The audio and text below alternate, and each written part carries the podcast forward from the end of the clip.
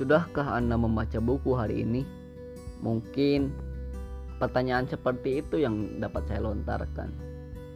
Banyak orang yang tidak memiliki banyak waktu untuk membaca buku.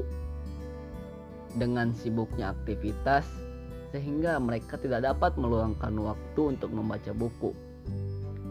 Tapi podcast pejalan kaki kini menghadirkan solusinya. Kalian bisa membaca buku dan memahami sebuah buku tanpa mengganggu aktivitas kalian. Cukup mendengarkan dan dengarkan. Begitu. Sampai jumpa di episode-episode selanjutnya.